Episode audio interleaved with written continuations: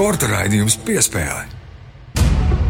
Esiet sveicināti Latvijas radio pirmā kanāla sporta raidījuma piespēle klausītāji. Kārtējā svētdiena es Mārtiņš Kļavnieks un Mārs Bergs studijā, un jūs ausīs viss jaunākais par sportu. Čau, Māri!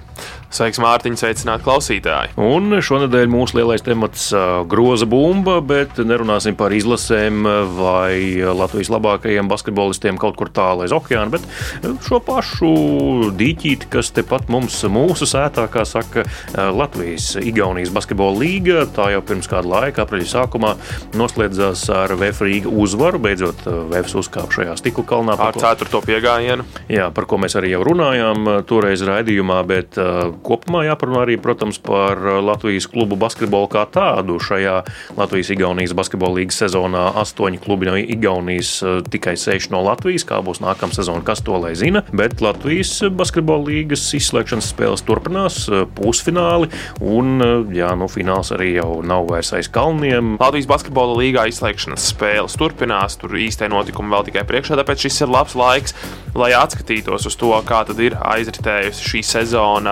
Latvijas-Igaunijas apvienotajā līgā, tā kā jau tu teici, ir noslēgusies pirms gandrīz mēneša.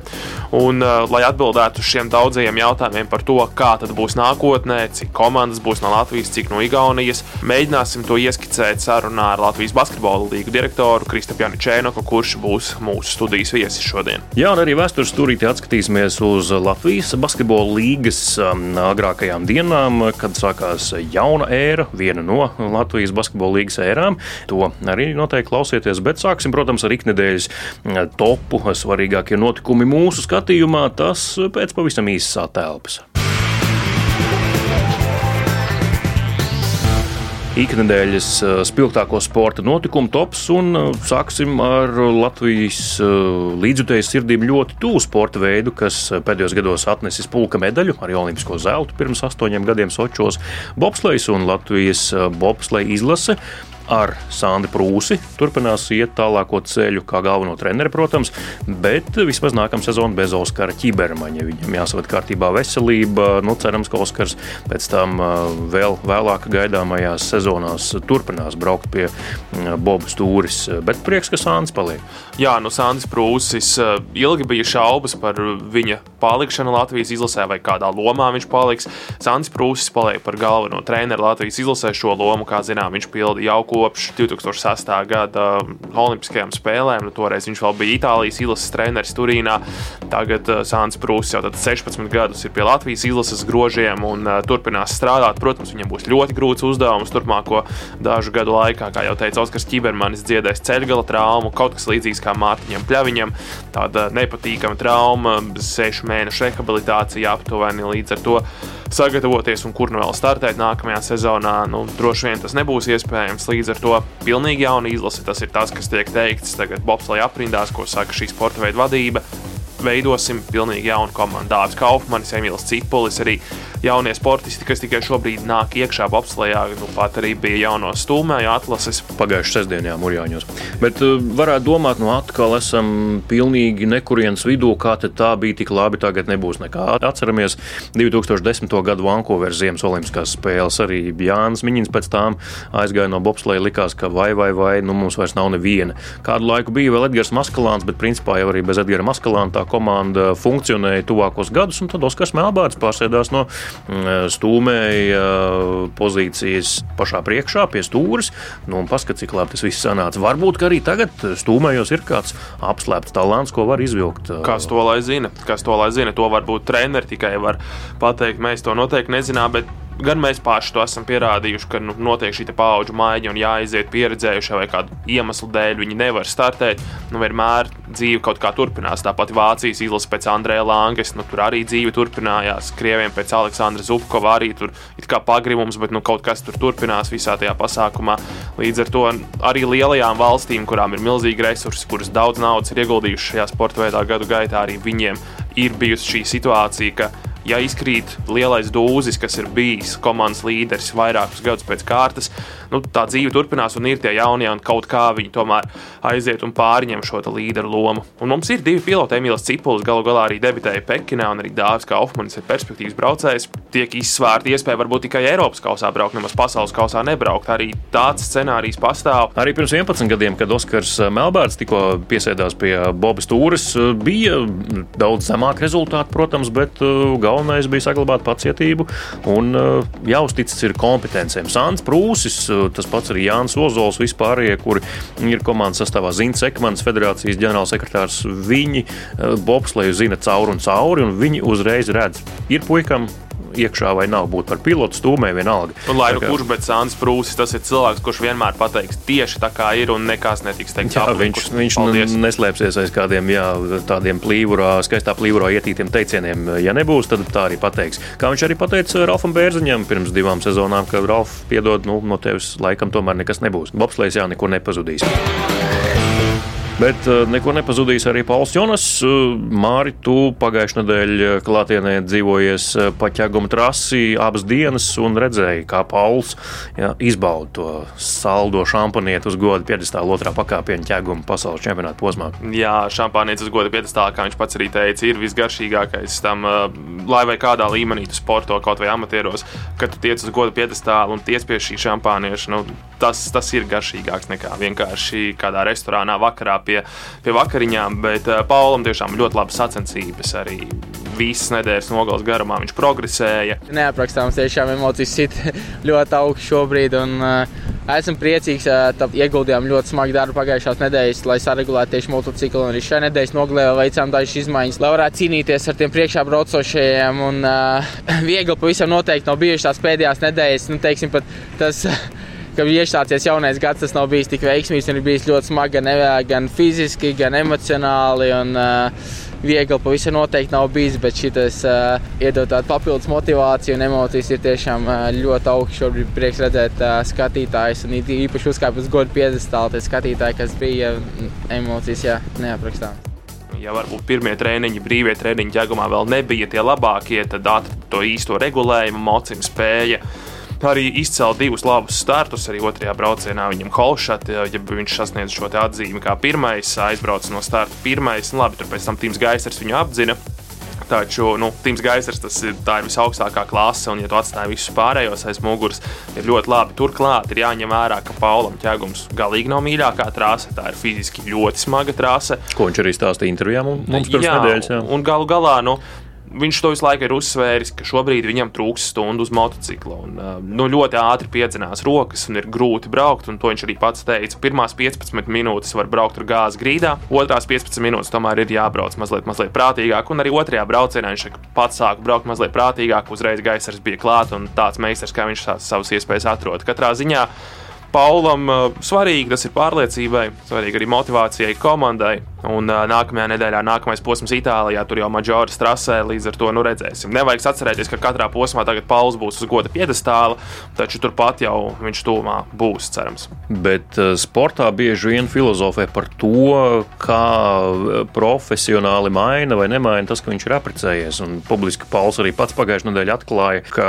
ir mīs gredzenus ar savu draugu, tagad jau sievu. Izskatās, ka palīdz, ja jau otrā vieta ķegumā kaut kādu iedvesmu ir noķēris atkal papildus. Jā, cerams, ka nu, arī tas pārnos visu šo sezonu, atlikušo, un tur būs vēl daudz, daudz eh, goļa piedestālu. Nu, Paulam ir svarīga šī sezona, ļoti svarīga šī sezona. To mēs nevaram noliegt. Ir jāparaksta jauns līgums pēc sezonas, tāpēc jo vairāk labu rezultātu, jo labāks iespējas parakstīt labāku līgumu. Kā zinām, arī šīm līgumam tie nosacījumi beig beigās nebija tie paši labākie. Pārējie latvieši, Kārlis un Jānis Reišuļi, laikam jāizceļ. Jā, noteikti. Maleči ļoti labu posmu aizdīja savā trasē. Zinām, ka šie puiši ir talantīgi.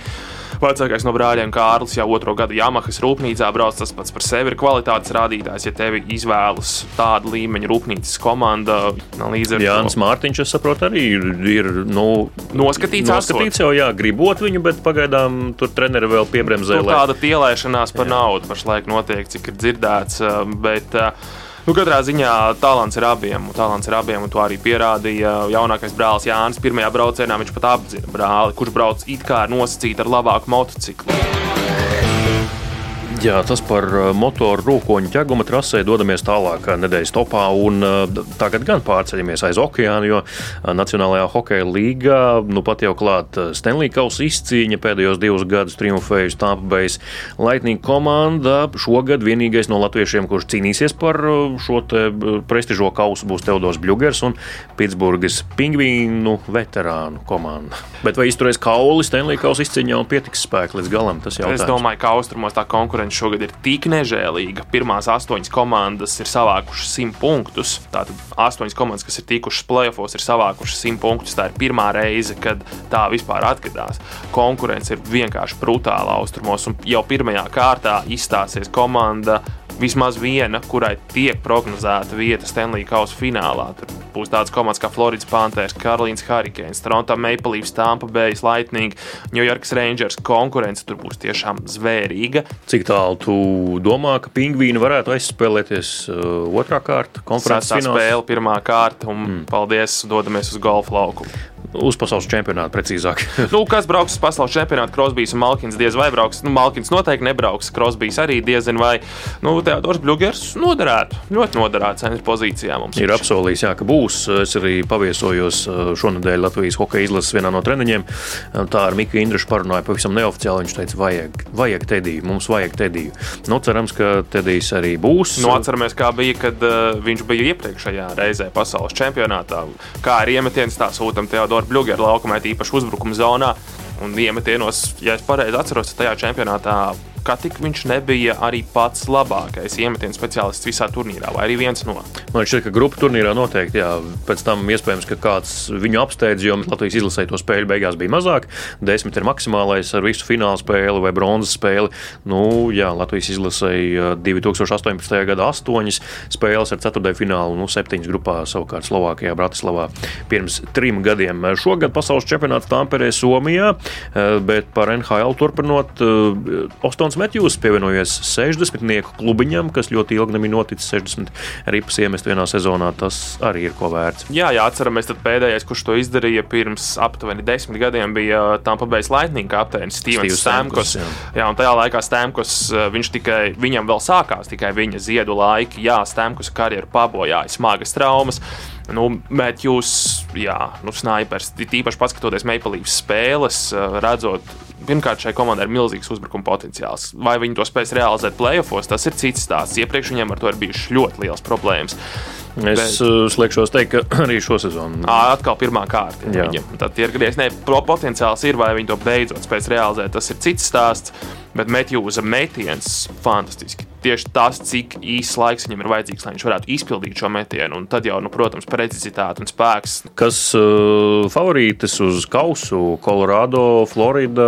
Nu, es Tampa gribētu Bay? teikt, Tampa Bay, tāpēc, ka Tampa Bay ir mana mīļākā komanda jau tur gadus 15, ja ne vairāk, atceroties uh, savu bērnību, kad uh, ar veco paudzi, ar Vincentu Lekavaljē un citiem spēlētājiem. Senluī, Brāds Ričards, tur vēl daži.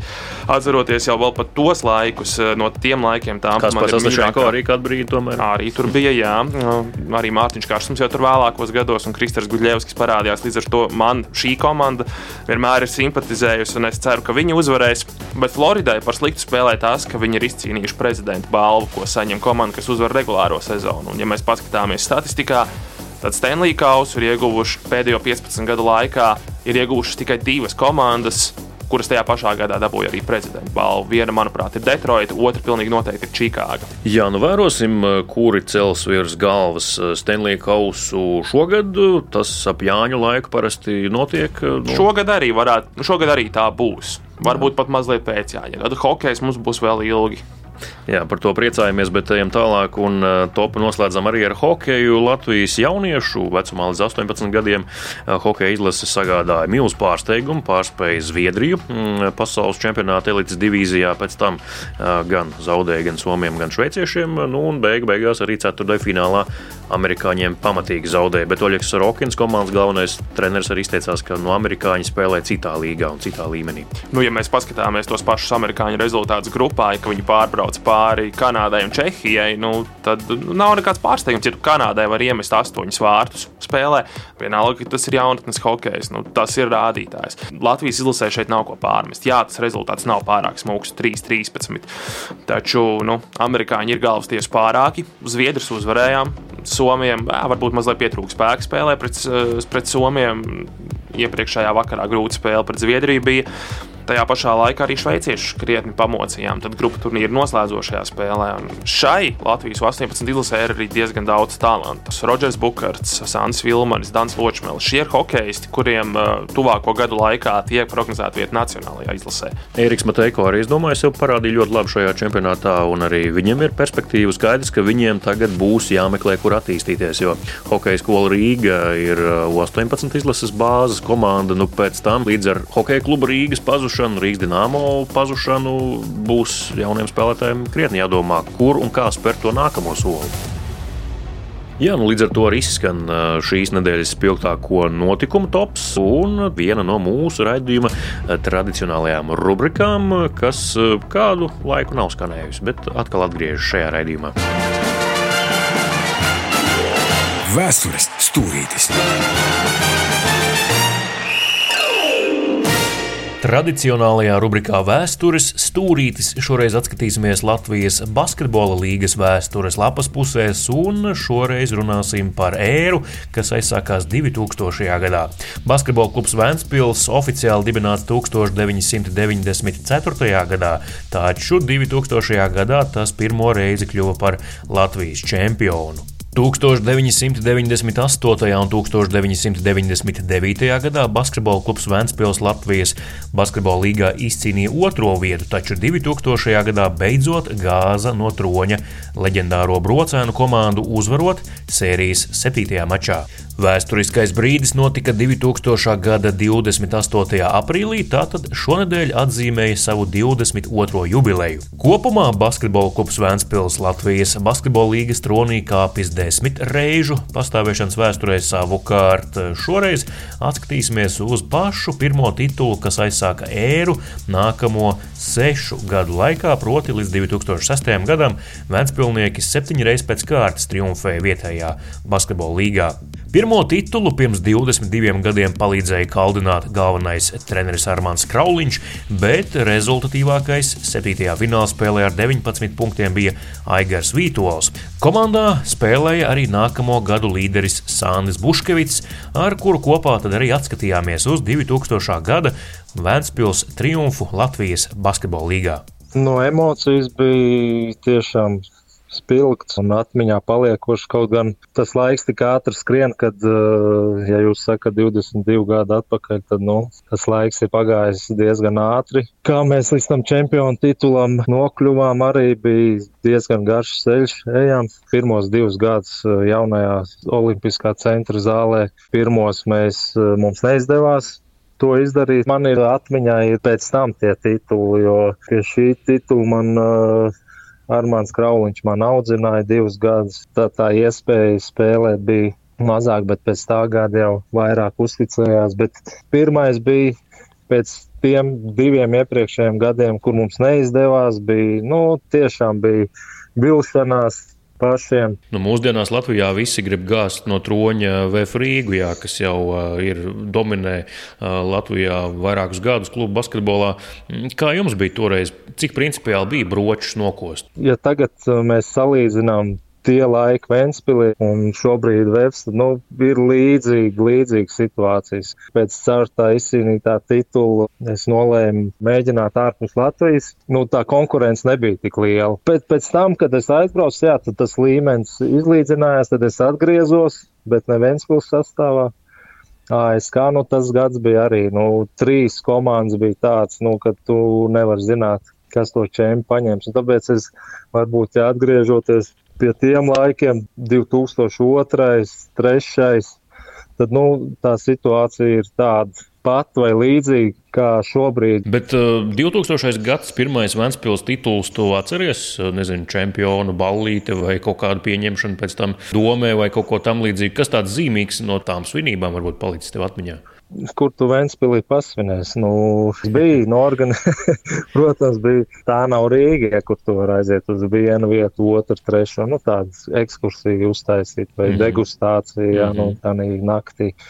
Nē, bet mums bija norganizēts tā viena vieta. Jā, bija norganizēts vakariņas līdz rītam.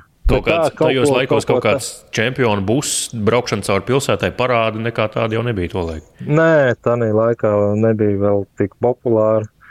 Bet, eh, protams, bija mūsu līdzjūtēji, ja, kur visur bija mums līdzās, ja, un tikšanās, ja tur ārpus tās iestādes, kur mēs svinējām, tur pat iekrit, negribu samelot piekdienu vai sestdienu, ja, tad tad, kad uh, pilsēta uh, dzīvo to nakts dzīvi. Tu glabā kaut kādas, nezinu, relikvijas, savas medaļas, kausus, apbalvojumus kaut kādā vienā stūrītī sekcijā vai kaut kur tā ir tev tāda piemiņas par karjeru? Sekcija man, man ir salikt, jā, man ir vienā somā viss salikts, bet viss spēļas, spēļu krekls, šorts jā, no tiem laikiem. Es esmu sadāvinājis tur kolekcionāriem, ir. bet no otras mm. puses tagad eh, man dēla aug.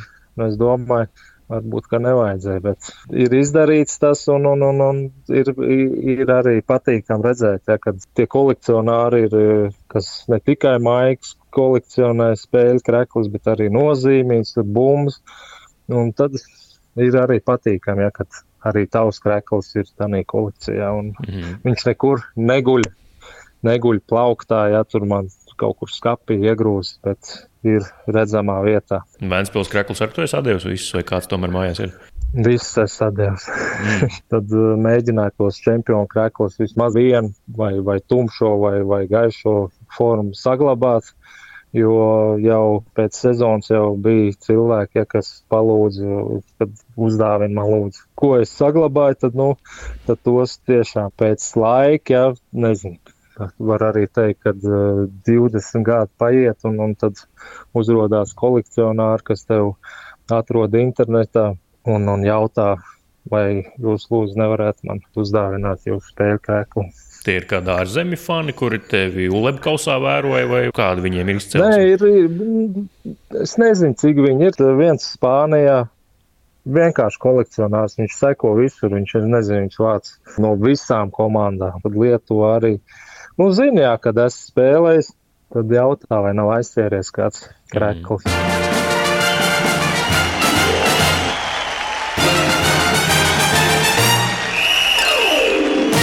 Sporta raidījums piespēle Latvijas radio pirmajā kanālā Mārtiņš Kļavinieks un Mārs Bergs studijā. Un šajā raidījumā runājam par basketbolu, par vietējo basketbolu un vietējo basketbolu līgu un klubiem.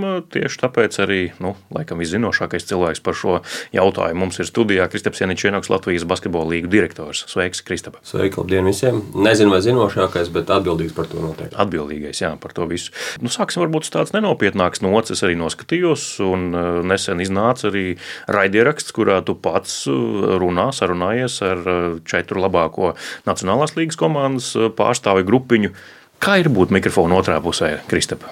Īstenībā ir mazliet sarežģītāk nekā man likās sākumā. Ir jāiekļaujas kaut kādā laikā, jo Gunārs Keisels man teica, nevar pārkāpt. Nevar vilkt. Es nevilku, un es mēģināju, un tie četri cilvēki intervējumie, tad viņi, man bija jākuriģē, ka viņi aizplūda kaut kur tālāk, tad man bija jāpārtrauc. Mm -hmm tā atbilde jau uz to manu jautājumu. Bet uh, visā vismā diezgan interesanti. Jā, Klau, Kristap, kad mēs vienojāmies par uh, šo interviju, teici, ka šīs nedēļas laikā, šīs nedēļas sākumā, pareizāk sakot, ir Latvijas-Igaunijas apvienotās līgas valdes sēde paredzēta. Tā tad pastāst varbūt tādās lielās līnijās, kas tika apspriests šajā valdes sēdē, kādi ir bijuši ierosinājumi par darbības turpināšanu, kaut kādiem uzlabojumiem nākotnē. Pirmkārt, uh, valdes sēdē mēs viens otru vēlreiz oficiāli, neoficiāli apsveicām ar to, ka mēs pagarinām sadarbību vēl uz trīs gadiem gadiem. Un arī uh, mums ir ģenerālsponsors Pabet, kas arī vēl uz trīs gadiem ir. Uh, kā, uz diviem gadiem atvainojos. Un, um, un tad tādas sīkas lietas, ko mēs runājām, ir, nezinu, piemēram, lai būtu visai, visām, gan Igaunijas, gan Latvijas komandām būtu vienāds bumbas, jā, vai tas būs Molten. To mēs redzēsim pēc kaut kāda laika, jo viņiem šo, šogad beidzās, šo sezonu beidzās līgums ar Spaldingu. Un, nu, tā ir tāda rūpe, es katram klubam piezinu, uzprasīju, kas ir jūsu tās lielākās ne problēmas, bet teiksim, lietas, ko ko jūs gribētu uzlabot nākamajā sezonā, un bumbas bija viena no tām. Ja. To arī spēlētāji intervijās ir izteikušies nevienreiz vien. Jā. Tu arī kā bijušais spēlētājs, man var pastāstīt.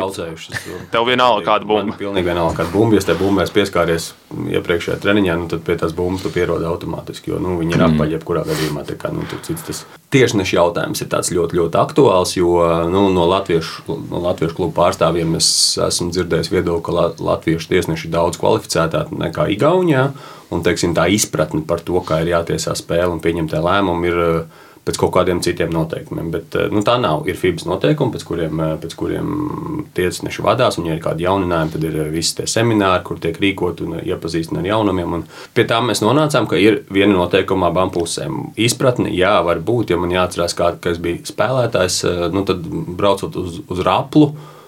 Piemēram, jā, man jau bija jā, jāsagatavo sev, ka būs interesanti, interesanti lēmumi. Lēmumi, bet, jā. um, jā, tā, kā, tā kā es kaut kur to ļoti labi saprotu. Un, uh, Un tad mēs vienojāmies ar Igaunijas kolēģiem, ka mēs rīkosim tādu kopēju semināru. Līdz šim mēs esam rīkojuši tikai latviešu tiesnešiem, nu, ar zināmu veidu regularitāti.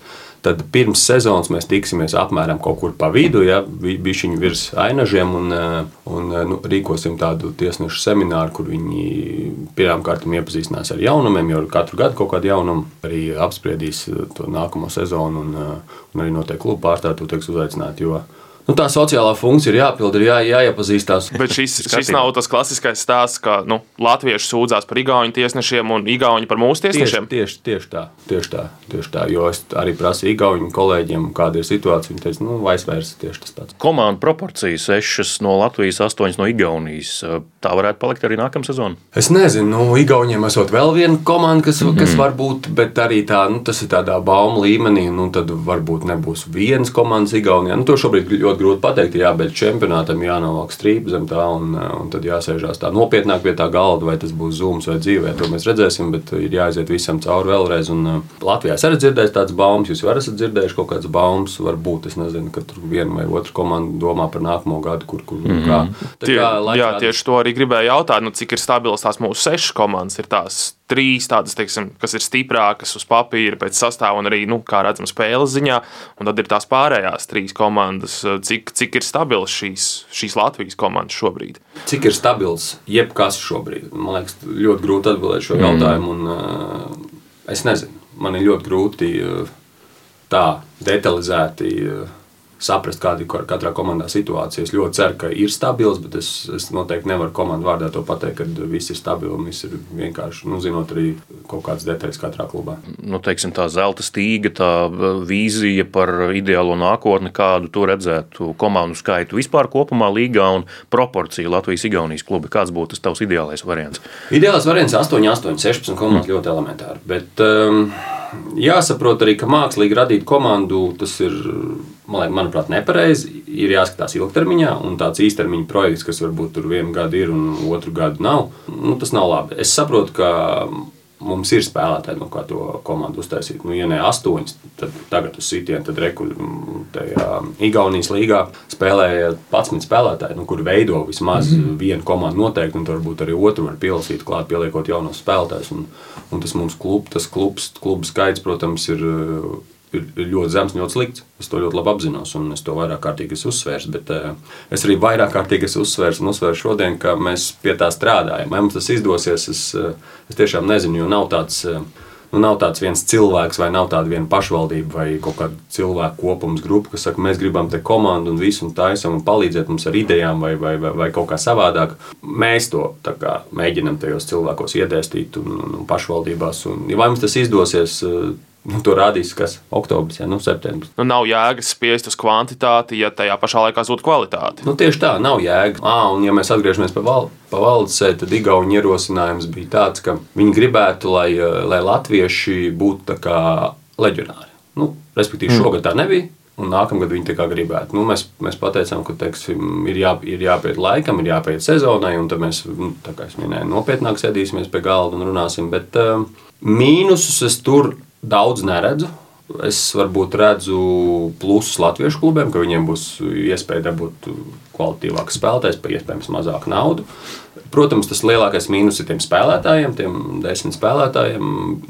Kaut, kaut gan daži varētu arī tur palikt leģionāra statusā. Igauni tas, ka viņi grib vairāk iespēlēt savus jaunos. Un tas, tas, tas ir ok, bet tāpat laikā es saprotu to, ka nu, viss, kas ir mākslīgi radīts, kas nav dabīgi radīts, nu, es nezinu, vai, mm. vai, vai, nu, izlases līmeņa jaunais spēlētājs tāpat tās spēlēs. Ir tas Latvijas leģionārs vai nav, vai nu, tā kā vietējais. Vēl par komandām. Eh, tu pats arī izteicies, eh, kad stājies nesen šajā amatā, ka arī lietuviešiem bija sākotnēji kaut kāda interese par eh, Latvijas-Igaunijas līgu, kāda tā ir šobrīd, un vai tā vispār ir reāli nākotnē. Nu, lietuviešiem, lietuviešiem mēs esam vajadzīgi kā draudzības spēļu partneris, jā, trešdienās, kurš, kurš, kurš pakļausies viņu vajadzībām un, un meklēs ģenerāla sponsoru tam visam pasākumam, jā, jo mēs taču esam lietuvieši. Un, jā, jā. Un, nu, mēs ātri sapratām, ka tas neies ies cauri, un, jo viņiem, protams, ir savs LKL, kas ir superprodukts mm -hmm. superlīga. Un, ne super, ir ok līga. Ļoti labi līga. Ļoti labi līga. Un viņiem, tām komandām, kas ir leisgala komandām, viņiem pietrūkst spēļu prakses. It kā loģiski. Nu, viņi vēršas pie Latvijas, pie mums, un nu, grib izmainīt mūsu kalendāru, visu, lai mēs spēlējam tur trešdienās. Un,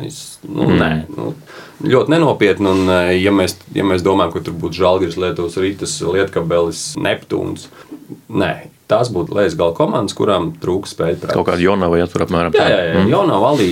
Ja mēs paskatāmies uz Latvijas-Igaunijas līgu, ir galīgi ok.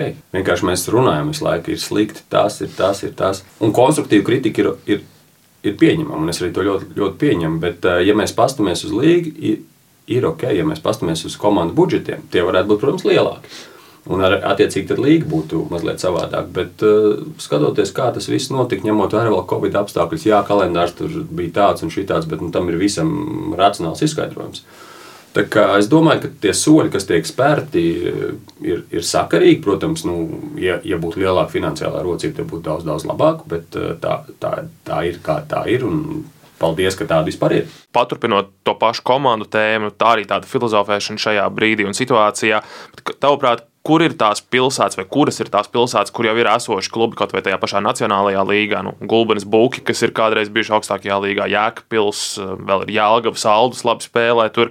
Vai šīs ir komandas, kuras, ja tām būtu attiecīgas finanses, varētu būt arī augstākās līgas komandas? Jā, protams, arī ja būtu attiecīgas finanses un infrastruktūrai Baldons komanda būtu, būtu, būtu, būtu Igaunijas Latvijas basketbola līgā. Bet, jā, Saules, Gulbens, Jēkabils, Jēlgava un varbūt vēl kaut kas, bet tās tieši tās, tās, tās komandas, kuras mēs esam uzrunājuši un uh, turpinam runāt ar dažām. Daži ir pateikuši, nu, nē, nu, tā ideja ir utopiska un, un, viņa, ar, un viņu argumenti īstenībā ir pareizi. Nu, ir utopiski uz, uz, uz to situāciju, ko mēs, ko mēs piedāvājam, ko mēs prasām. Savukārt ir pāris no tevis un manas nosauktām komandām, kuras ir izrādījušas zinām veidu interesi. Un, nu, cerēsim, ka ar interesi tas nebeigsies. 7. un 8. klubs ir svarīgs nevis tāpēc, lai es pierādītu, ka to var izdarīt, ja, un, un, bet man ir ļoti svarīgs tam, ka bērni, nu, jaunieši mums brauc prom.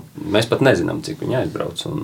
To īpaši neviens neafišē, bet es, es, es kaut kādā mērā to mazliet monitorēju un skatos, un mums brauc. Un brauc arī, jā, varbūt brauc no, es negribētu teikt, um, pelēkā masta, tas būtu tā rupi mm. ļoti tādi, varbūt, kam nav tur perspektīvas kādreiz nonākt Latvijas izlasē. Bet brauc arī tādi, kam ir perspektīva nonākt mm. Latvijas izlasē, nu, 14 gadīgi, 13, 15 gadīgi Vai viņi tur nonāks, es nezinu, bet viņi brauc prom un viņi brauc prom uz gaļas mašīnu. Spānija, Itālija izklausās forši, ja tu brauc ceļojumā atpūsties. Bet uh, Spānija, Itālija tādā jaunietim ir, eh, ir, ir protams, cita vide, ja? bet uh, varbūt kaut kāds mazliet cits treniņu plāns un pieeja treniņiem. Bet ir jāsaprot, ka no turienes nu, tur brauc lietuvieši, tur brauc sērbi, tur brauc visas Āfrikas valsts. Mm -hmm. Tur brauc ļoti daudzi, daudz, daudz jauniešu, un tā ir milzīga konkurence. Un, ja tu esi gatavs tam visam, upurējot akadēmisko pusi, arī attālināt mācīšanās vai mācīšanās citā valodā, kur tu nezini, ja to tagad vajadzētu mācīties. Nezinu norvēģu valodā, es ceru, ka tu nezini norvēģu valodu, tad uh, būtu jā. Tad, tad tas būtu ļoti grūti, vismaz pirmos divus, trīs gadus. Tā ir tā lieta, kas man ļoti, ļoti uztrauc. Latvijas klubu spēles Latvijā bija redzamas televīzijā. Tad tās spēles, kas notika šeit uz vietas, kāda ir interese vispār no televīzijas skatītājiem, vai ir jau apkopoti kādi rezultāti par reitingiem? Pilnie reitingi būs pēc sezonas, tas varēšu izlūgt tādu video. Nu, es varu pateikt, ka pirmā spēle Latvijas LTV 7 bija 67 vai 87 tūkstoši eh, skatījumu mm. VF skalēs. Tas, Tas ir ļoti labi. Tas ir ļoti pieklājīgi. Ja mēs skatāmies uz, uz tādiem reitingiem, kas ir nu, protams, zemāk un kas ir TV4 vai sports centrs, ja, tad arī tie ir auguši. Apvienotā līga pirms nu, jau gandrīz mēneša ir noslēgusies Final Four atkal Rīgā, otro gadu pēc kārtas, lai gan sākumā bija runāts, ka droši vien ka būs Igaunijā kaut kur. Kāpēc tā sanāca, un vai varbūt mēs varam izdarīt tādu secinājumu, ka mēs šeit, Latvijā, kā pasākuma organizatori, esam labāki nekā Igauni? Viennozīmīgi. Sanāca tāpēc, ka Igauni ir mazliet slinkāki, ja? un mm. viņi ir eh, noteikti ilgāk eh, laika pavad, ne, ir pavadījuši laiku federācijām pie līgas vadības. Un, Savukārt man, man ir liels entuziasms un eh, pavīdēja tāda iespēja, ka viņiem bija kaut kādas mazas problēmas, teiksim, zāles atrašana Tallinā. Es teicu, ok, tad esam Rīgā, nu, ja, ir, ja ir tāda situācija. Un uztaisījām Rīgā, un, manuprāt, tas Final Four no tāda organizatoriska Ļoti labs produkts, jā. Arī vizuāli noteikti televīzijā izskatījās labi, jo sēžot arēnā, man uz vietas tur arī izskatījās ļoti, ļoti labi saorganizēts. Viss. Jā, no organizācijas viedokļa viss bija labi. Nu, sportiskā puse, manuprāt, nu, piekliboja, bet eh, nu, tāds ir sports. Jā. Es biju plānojis VF Kalevu, tur redzēt, mm. tagad atklāšu finālā, jā. bet eh, diemžēl tā nesanāca. Un, Nu, tas ir sports, jā. Tur jau ne jau Kalevs, Kalev kāds pastūma malā, bet viņi paši tur neiekļuva. Viņi neiekļuva, viņi bija ļoti, ļoti, ļoti notraumējās komandas to brīdi, un tur beigās nebija kas pāri laukumam pāriet. Tā- Tāda man ir informācija. Nu, un sarunas noslēgumā mēs arī tam drusku pieskārāmies. eh, kā tu domā, vai šobrīd klubi eh, pietiekami daudz nu, dara tā virzienā, lai attīstītu Latvijas jaunos basketbola talantus šeit vietējos? Nu, varbūt rada viņiem apstākļus vai dod iespējas spēlēt, kā tu to redzi. Un tā ļoti grūti pateikt, jo katram klubam ir savs kaut kāds mērķis, kaut kāda politika un kā viņi, um, ko viņi izvēlās darīt. Ir, tas ir viņa ziņā. Tas nav mans, um, ne manā kompetencē, ne manās uh, teiksim, iespējās viņiem kaut ko stāstīt un mācīt, kā vajag darīt. Ir, ir teiksim, piemēri, kur jaunieši tiek vairāk iesaistīti, ir piemēri, kur mazāk iesaistīti. Noteikti katram ir, uh, katram klubam, katrai klubu vadībai ir savi argumenti, kāpēc tā ir. Es, protams, būtu par to, ka būtu tie jaunieši vairāk iesaistīti. Tas uzreiz mazinātu invāziju, uz kur mēs runājam, sarunas ievadā mm -hmm. Spānija, Itālija. Tik tālu par uh, Latvijas basketbolu, Latvijas basketbola līgu, Latvijas Igaunijas basketbola līgu. Latvijas basketbola līga direktors Kristaps Janičēnoks bija ciemos sporta raidījumā piespēle. Nu, lai daudz klubu nākamā sezonā Latvijas, Latvijas Igaunijas līgā vairāk nekā Igauniem. un lai Vai tie vismaz tikpat? vai vismaz tikpat, un lai tie būtu stabili. Jā. Jā, paldies, paldies, Paldies par sarunu. Paldies, Kristap. Sporta raidījums piespēle. Kārtējā svētdiena, es Mārtiņš Kļavnieks un Māris Bergs. Tāds lūk šis raidījums, vēstures stūrīts un arī saruna ar Latvijas basketbola līgu direktoru Kristapu Janičenaku. Nu, cerams, ka tiešām nākamā sezona būs vairāk Latvijas klubu, Latvijas Igaunijas līgā, un eh, tad jau, kas to lai zina, varbūt, kādu dienu arī beidzot pārspēsim Igauņus un mūsu klubu būs vairāk nekā viņējo. Cerēsim, ka vismaz būs tikpat, ka būs astoņas komandas no vienas valsts, astoņas komandas no otras valsts. 16 komandas, lielāka regulārā sezona, arī pašas komandas to ir teikuši, ka gribētos vairāk spēļu. Līdz ar to, to arī novēlam Kristapam un komandām sakārtot šīs lietas, kas ir vajadzīgas un ko ir jāsakārto, lai jau nākamajā rudenī mēs varētu priecāties par to, ka Latvijai ir vairāk komandu Latvijas Igaunijas apvienotajā basketbola līgā un ka mēs neatpaliekam no mūsu ziemeļu kaimiņiem. Sekojam līdzi Latvijas basketbola līgas izslēgšanas spēlēm, fināla mačiem un kurš kļūs par čempionu. Noteikti jau nākamajā raidījumā par to arī runāsim, kā fināla sērija rīt, bet uh, katrā gadījumā šoreiz no jums atvadāmies līdz nākamajai nedēļai. Klausieties raidījumu piespēle arī uh, Latvijas radio mājaslapā, arhīvu sadaļā, kā arī meklējiet jebkurā sevērtā podkāstu jeb raidierakstu klausīšanās vietnē. Un šoreiz mums tas arī viss. Paldies un līdz nākamajai nedēļai. Paldies, ka klausījāties un tiekamies jau pēc nedēļas.